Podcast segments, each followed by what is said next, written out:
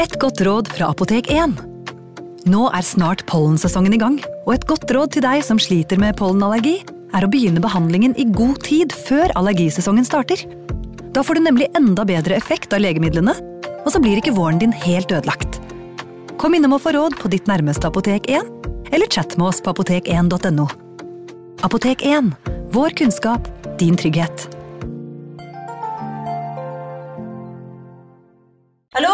Jeg kommer fra Oslo politikammer. Ine Jansen er purk. Er du purk? The motherfucking bitch. Alt jeg vil, er å finne ut hva som skjedde med mannen min. Jon Carew. Er jeg sikta for noe? Iben Akeli. Det er du. Ole So, Lars Berrum og Big Daddy Karsten. Hvem sin side er du på, egentlig? Anette Hoff, Tone Danielsen, Kommer du fra Afrika? Jørnis Josef, Nesten. Kløfta. Trond Espen Seim, Det er synd å si det, men det var feil mann som døde. Purk. Premiere tirsdag på TV2 Play. Advarsel.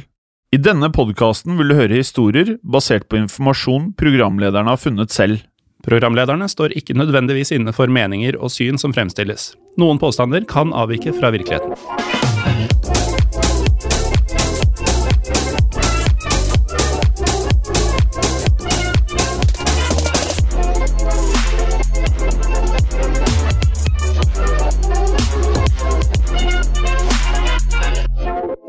Og velkommen til en ny episode av Historiepodden. Mitt navn er som alltid Morten Galaasen. Og mitt navn er også som alltid Jim Fosheim. Og la meg spørre deg, Morten. Nå har jo du eh, sagt for, til meg da, at du skulle spise ekstreme mengder med god julemat. Hvordan ble det i forhold til forventningene? Du, jeg har spist ekstreme mengder med julemat. Jeg har jo for første gang på et par år vært hos min, eh, min familie i Trysil. Ja. Eh, Og der eh, sparer de ikke på noe som helst, i hvert fall ikke når oss relativt unge byfolk skal føs på. Da er det ikke Det, det hjelper ikke å si nei takk når du egentlig er stappmett. Det kommer mer. ja og så må Eh, du er sikkert bevise da, at eh, byfolka kan eh, spise dem òg. Ja, ja. Og det klarte du skjønner jeg. Ser jeg. ja jeg, jeg har blitt, eh, blitt korpulent i løpet av de siste dagene. Ja, i løpet av de siste dagene kanskje mer korpulent. Vi, Ja. vi har ikke vært ukorpulente så langt i 2021. Nei, Det begynner å bli en stund siden eh, vi ikke var eh, noe korpulente i det hele tatt, eh, kanskje. Men eh, det er ikke, det er ikke mindre ekstremt nå, etter eh, et par dagers eh, hardkjør med, med fett og det som hører til. Har du rukket å se noen julefilmer? Eh, Jeg er ikke så stor på de tradisjonelle julefilmene. altså Jeg har sett eh, Die Hard, eh, både én og to. Altså, Die Hard Eh, 1 er jo sammen med Alene hjemme de to viktigste julefilmene, spør du meg. da. Ikke sant? Men for meg så er jo film i jula, det er jo Olsmannen. Det, det det? går jo hver dag, og det går gjerne til sånn perfekt sånn sein frokost, tidlig lunsjtid. Jeg vet at du er veldig opptatt av Olsenmannen, men øh, hvorfor øh, føler du at det er øh, Hvorfor er det så julete for deg? Nei, altså Filmene i seg sjøl har jo ingenting med jul å gjøre. eh, Så jeg veit ikke hvorfor, men det blir jo alltid vist både én og to Olsenmannen-filmer eh, gjennom dagen i jula. Mm. Og da har det blitt en slags tradisjon. da, Stå opp litt sånn der, eh, når det passer meg, og så gjerne ta en litt sånn sein eh, romjulsfrokost, da, som, eh, som er riktig i disse dager. Eh, Mens jeg ser på Dynamitt-Harry sprenge seg sjøl i lufta i forsøk på å sprenge noe annet i lufta. Ja, nei, men øh, jeg, jeg kan faktisk skjønne det litt. Jeg har noen filmer som ikke nødvendigvis omhandler jul, som f.eks. Gudfaren 1 og 2, som jeg alltid ser i øh, juletiden, som da blir en julefilm, men som egentlig ikke er det. Ja, jeg tror mange har det sånn, eh, og veldig mange har sikkert problemer med å forklare hvorfor det har blitt sånn. Veit du hvorfor Gudfaren har blitt en julefilm for deg? Nei, egentlig bare mest at øh, hele familien syns det er veldig gode filmer, og så velger vi alle sammen å se det i fellesskap, så blir det en sånn familiegreie. Men uh, i dagens episode, Morten, så skal vi øh, Vi skal jo bli ganske julete i dag. Vi skal jo det. Ja, for vi skal prate om noe helt, helt spesielt fra verdenshistorien. Og da nærmere bestemt fra den første verdenskrig. Og det, Ja, og det er jo den Ja. verdenskrigen som ikke vi har laget en egen podkast om. det er riktig. Det er helt riktig. For vi har jo historie på den andre verdenskrig, som også kommer ut hver uke, akkurat som denne historiepodden gjør. Helt riktig. Og, men vi kan jo legge til at veldig mange av de gærneste folka under annen verdenskrig var jo en del av første verdenskrig, har vi forstått. Eh, men dette er nok en eh, historie som eh, Jeg vil jo tro en del av lytterne våre har eh, noe kunnskap om denne historien fra før, men det er likevel ikke sikkert at eh, alle kjenner til hva som faktisk skjedde da langs vestfronten i julen 1914. Dagens episode skal nemlig handle om The Christmas Truce, eller på norsk julevåpenhvilen.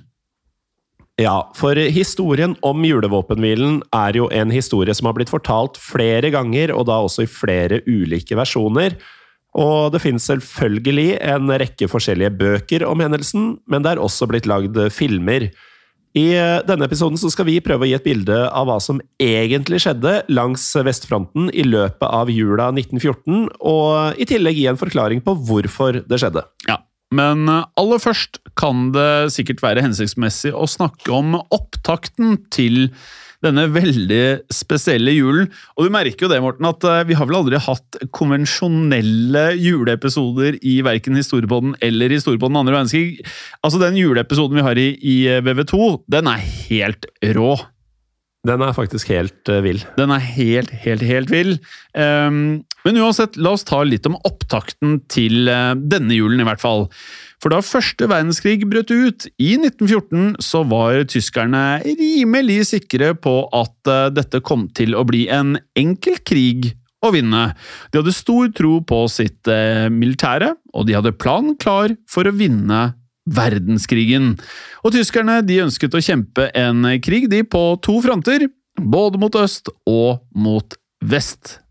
Og I øst så skulle de kjempe ned det de anså for å være en utdatert russisk eh, militærkonsultasjon, og i vest skulle de overrumple de franske styrkene ved et raskt angrep gjennom Belgia, og deretter rett inn i Frankrike.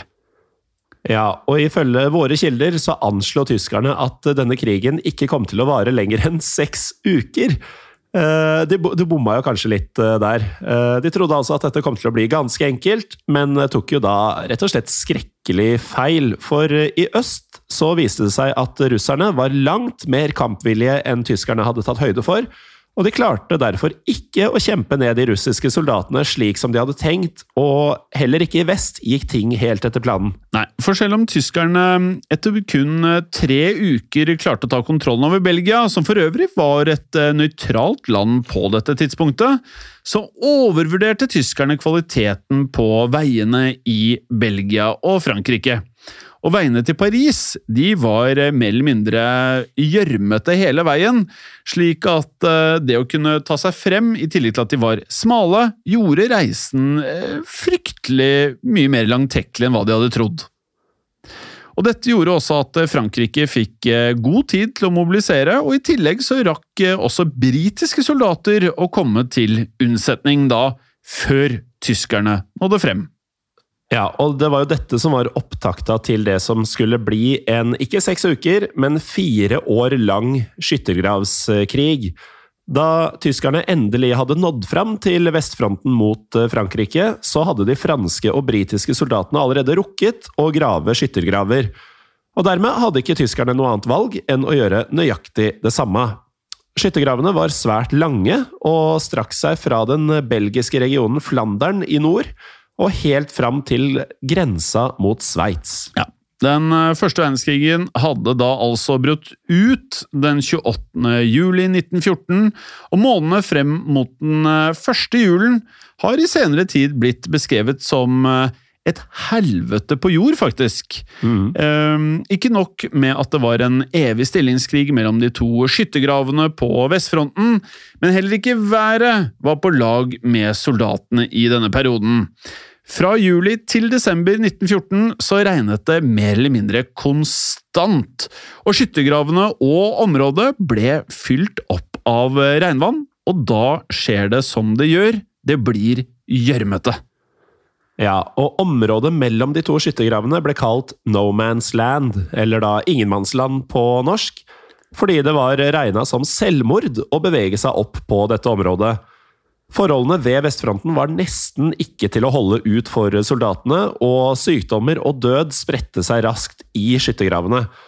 Da det begynte å nærme seg jul dette året, vi er fortsatt da i 1914, så er det derfor kanskje ikke så rart at de fleste av soldatene langs vestfronten allerede nå begynte å bli lei av denne krigen. Nei, for stemningen i skyttergravene var selvsagt dominert av håpløshet og også savn etter både venner og familie, og da det begynte å nærme seg juletiden, så begynte derfor å oppstå flere uoffisielle våpenhviler mellom tyskerne på den ene siden og franskmennene og britene på den andre siden.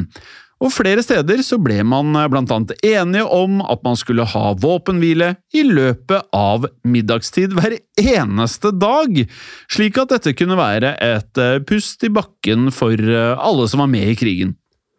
Ja, og denne typen våpenhvile var selvsagt ikke godkjent av de øverstkommanderende på de to sidene, og soldatene prøvde derfor, så langt det lot seg gjøre, å holde disse pausene hemmelige.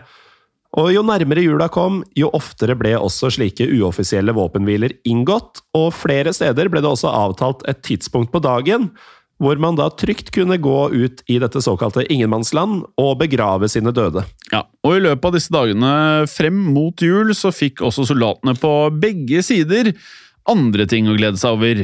For det var ingen hemmelighet at eh, moralen blant soldatene på vestfronten var ekstremt lav på dette tidspunktet, og derfor så ble det sendt en eh, rekke gaver til soldatene fra deres respektive land som en oppmuntring. Og I dagene før jul så ble det blant annet sendt eh, store mengder med sigaretter, det ble sendt sjokolade, sigarer, varme klær og også konjakk til fronten. Og dette var jo gaver som selvsagt ble tatt godt imot av soldatene, men den virkelige gaven kom likevel først på morgenen den 24. desember. For etter flere uker med konstant regn, så våkna soldatene opp denne dagen til blå og skyfri himmel. Og fraværet av regn det gjorde at den gjørmete bakken den frøys til, og underlaget ble dermed hardt og mye mer behagelig å gå på for soldatene. Den ble det, og selv om stemningen var relativt god på morgenen 24. desember eh, over hele fronten, så begynte soldatene likevel med skuddveksling som vanlig. Det var likevel mindre intens skyting enn det vanligvis pleide å være. I løpet av dagen begynte det også å snø, og da mørket la seg, ble det igjen stille langs vestfronten. De franske og britiske soldatene sto likevel fortsatt på postene sine, fordi de da mistenkte at tyskerne planla et slags angrep. Ja, og da britene og franskmennene så at det kom fram en lang rekke med lys opp fra tyskernes skyttergrav, da begynte de straks å skyte. For uh, da de så disse lysene, så trodde de nemlig at det var uh, et forsøk på Et angrepsforsøk, rett og slett, fra tyskernes uh, side. Men det skulle vise seg å være noe helt annet, og hva det var, det får dere høre etter en kort pause. Velkommen tilbake. Det siste vi hørte, var at britene og franskmennene hadde sett en rekke lys fra tyskernes skyttergrav og trodd at det var et angrepsforsøk fra tyskerne, og skjøt mot dem. Men det skulle ikke ta lang tid før britene og franskmennene holdt opp med skytinga si. Til eh, deres store overraskelse hadde nemlig ikke tyskerne skutt tilbake. Nei, og da skytingen opphørte, kunne de britiske og franske soldatene høre sang, faktisk, fra tyskernes skyttergraver. Så det totalt motsatte av hva de fryktet. Og sangen de hørte, var Stille nacht, som også den dag i dag er en kjent julesalme, nemlig Stille natt. Da de hørte sangen fra de tyske soldatene over dette ingenmannsland, skjønte de også at lysene på tyskernes side var rett og slett små pyntede juletrær. Og det ble da um, mer eller mindre tydelig for uh, alle briter og franskmenn at tyskerne de ønsket slettes ikke å kjempe denne dagen. Nei, og en av de som var vitne til denne hendelsen, var den britiske løytnanten uh, sir Edward Hulls, og det var han som bestemte hva motangrepet mot tyskernes uh, sang skulle være. For etter at de tyske soldatene hadde sunget en god stund, så instruerte Hulls sine soldater til å begynne å synge de også, men de skulle synge enda høyere enn tyskerne. Og dette resulterte rett og slett i en ganske absurd sangkonkurranse ved vestfronten. Ja, og det er jo absolutt noe man ikke ser for seg midt uti dette herre Altså, man kalte jo det et helvete. Ja.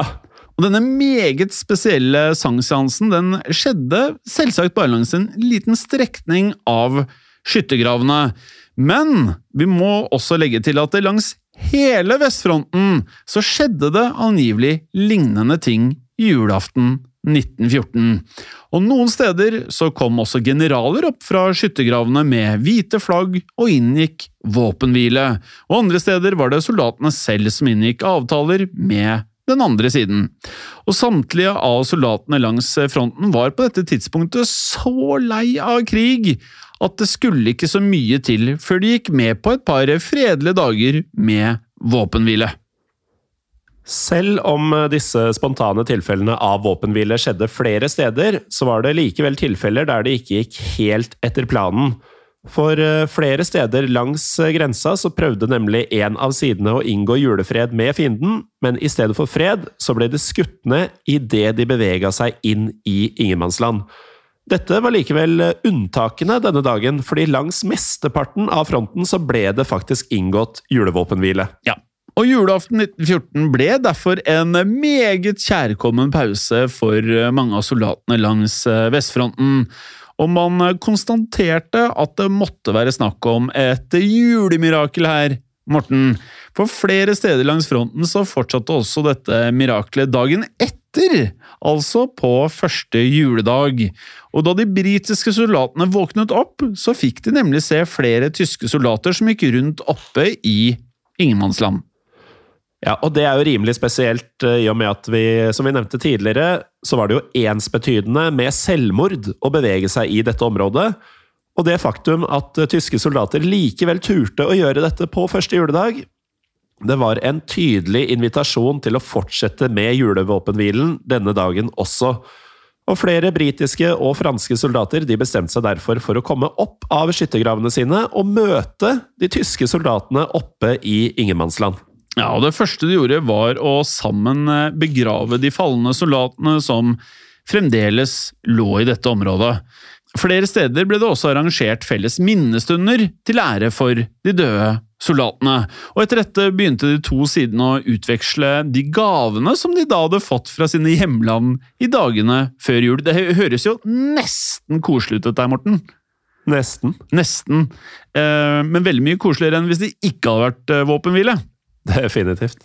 Britene de kunne jo da annet friste tyskerne med engelsk sjokoladekake.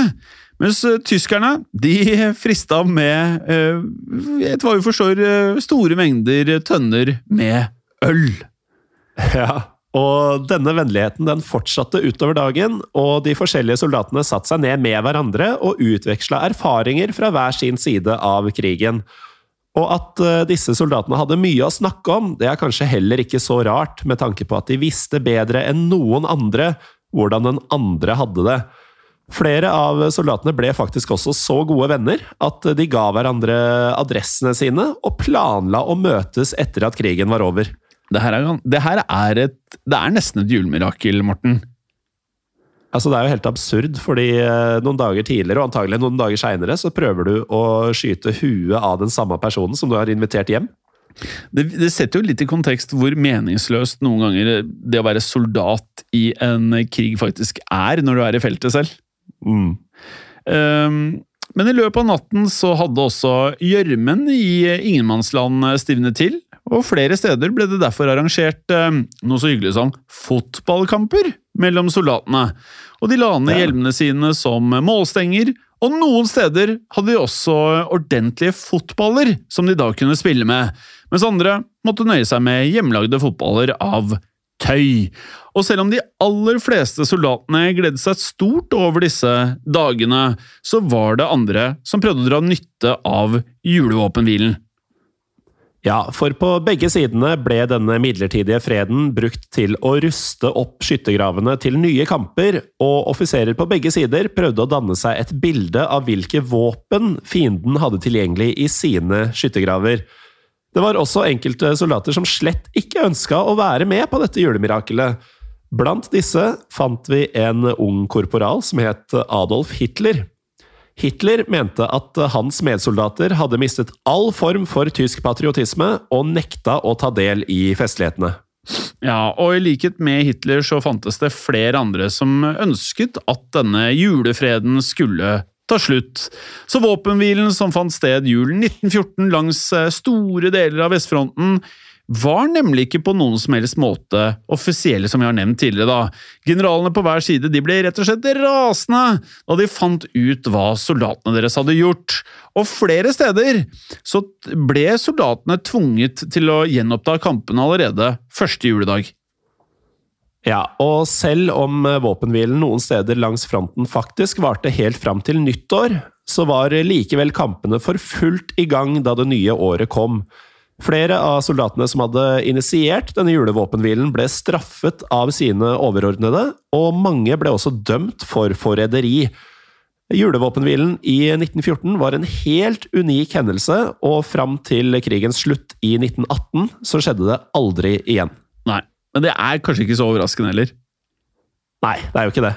Spesielt ikke med tanke på at eh, generalene på hver side passet de neste årene på å planlegge angrep nettopp på juledagene, for å forhindre at noen ble fristet til en ny julevåpenhvile. Det syns vi er litt trist. Det syns vi virkelig. Men uh, her var det mye som var trist. Det var jo bare skrekk og gru alt. Uh, og Hele vi, den krigen er jo trist. Ja, det, Første verdenskrig, det var, det var ekle greier. Det er så Um, brutalt. Ja, eh, for vi vet jo at første verdenskrig er jo en av de aller blodigste krigene i verdenshistorien. Det døde jo over 20 millioner mennesker. Likevel vil julemirakelet julemiraklet fra julen 1914 bli husket som et eh, lite lyspunkt i denne ellers så veldig tragiske perioden. Og med det, Morten, så føles det ut som at eh, vi igjen, eh, ikke bare med historie på den andre verdenskrig, eh, men også i vanlig historie på den, så har vi klart å finne to veldig historiepodden-tette episoder denne jula 2021. Og du har også funnet et nytt adjektiv som folk kan bruke. Hva var det du sa? Historiepoddetete? ja, jeg visste ikke hva annet jeg skulle si. Veldig typisk historiepodden 1 og 2, da. Ja, det er sånn man definerer historiepoddet. dette. Ja, veldig. Og uh, med, med det så ønsker jeg faktisk å be lytteren om en liten tjeneste. For det er ikke så lett å finne spenstige juleepisoder til podkastene våre. Så julen 2022, nå er det jo det en liten stund til, selvfølgelig. Kom gjerne med forslag til hva vi kan ha som juleepisoder, altså om et år. Ja. og I mellomtiden så er det jo bare å kose seg videre med både mat og drikke og Olsenbanden og Gudfaren og hva man eh, skulle ønske seg. Og snart er det nyttår hjem.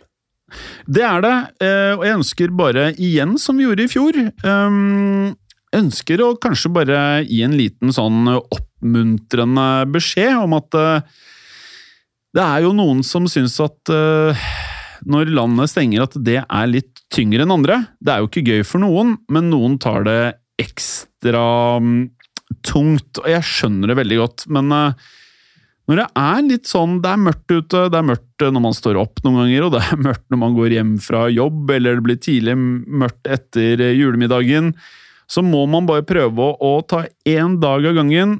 Eh, prøv å gjøre noe Om det så er å gå seg en tur, eller om det er Bare gjør et eller annet som ikke bare er å ligge på sofaen. Få til et eller annet hver eneste dag som eh, føles som at man i det minste får gjort noe. Og så får man jo håpe at det å ha hjemmekontor, eller om man ikke jobber, om man studerer, uansett hva det er, prøv å ta én dag av gangen. Ikke tenk at dette blir en lang periode med masse korona og nedstengninger. Ta én dag av gangen. Jeg minner om det. Det er eh, veldig viktig. og Snart så er det over, og vi har jo lært i historiepodden at som regel så varer disse pandemiene pluss-minus to år. Og i mars så er det pluss-minus to år siden korona oppsto. Om det varer litt mindre enn to år, eller litt mer enn eh, to år, så blir det lysere en gang i fremtiden. Det blir det, og um, til våren så blir det lysere på mange andre måter også, så alt dette er jo midlertidig. Det er eh, viktig å huske. Eh, I mellomtiden så gjør jo vi vårt eh, Jim det lille vi kan ved å lage både Historiepodden og Historiepodden andre verdenskrig eh, hver uke. Eh, Skulle man ønske mer av oss, så er vi også på sosiale medier. Ja. En, en ting til. Prøv å Det er jo veldig klisjéete å melde, men det er veldig viktig. Ta og Slå på tråden til noen. Når du hører dette her. Ring en eller annen venn, familie, en eller annen send en melding, gjør et eller annet med en eller annen du kjenner. Det trenger ikke være noen som du føler deg ensom engang. Bare gjør et eller annet som er sosialt. Om det er å se hverandre på FaceTime, gå en tur eh, ute med én eller tre, eller hvor mange meter man skal ha når du hører dette. Så bare gjør et eller annet som føles sosialt, og som ikke gjør at man føler seg ensom. Og med det, Morten, så er jeg ferdig med alt dette. Men, men er du ikke enig at det er litt fint å ta med? Jo, det er definitivt det, og det er nok viktig også, som du sier. eh, Noen tar dette tyngre enn andre. Eh, Det betyr også at noen kanskje tå, eh, trenger mer enn andre å høre sånne ting akkurat nå. Mm. Og det blir lysere! Det blir alltid lysere. Så vær positiv. Ja. Og i mellomtiden så er vi tilgjengelig på Facebook og Instagram, Historiepodden Norge, samt på Facebook-gruppa vår i Historie for alle. Så må vi takke for at dere har hørt på oss i hele 2021, og for at dere skriver så mye hyggelige og oppmuntrende ting til oss. Helt enig. Og da gjenstår det egentlig bare å ønske alle som hører på, godt nytt år. Riktig godt nytt år, ja. Og bare minne om at dette her har skjedd. Og det kan skje igjen. Ha det bra. Ha det. Historiepodden ønsker å takke følgende. Dere som hjelper oss som sitter i produksjonen. Dere som hjelper oss som sitter i redaksjonen, inkludert eh, tekstforfattere. Det er helt riktig. Og dere som sitter på marked, som faktisk da gir oss muligheten til å drive med Historiepodden. Og selvfølgelig alle dere som hører på. Tusen takk. Moderne media. Har du et enkeltpersonforetak eller en liten bedrift? Da er du sikkert lei av å høre meg snakke om hvor enkelt det er med kvitteringer og bilag i fiken, så vi eh, gir oss her, vi. Fordi vi liker enkelt. Fiken superenkelt regnskap. Hei, og takk for at du lytter til Historiepodden. Skulle du ønske at du kunne høre en ny episode av Historiepodden hver eneste uke? Vel, da er det én ting å gjøre. Da kan du laste ned podkastappen Untold med det samme. For i tillegg til ukentlige episoder av podkaster som Historiepodden andre verdenskrig, Henrettelsespodden og også Gangsterpodden, så får du masse annet reklamefritt og også eksklusivt innhold.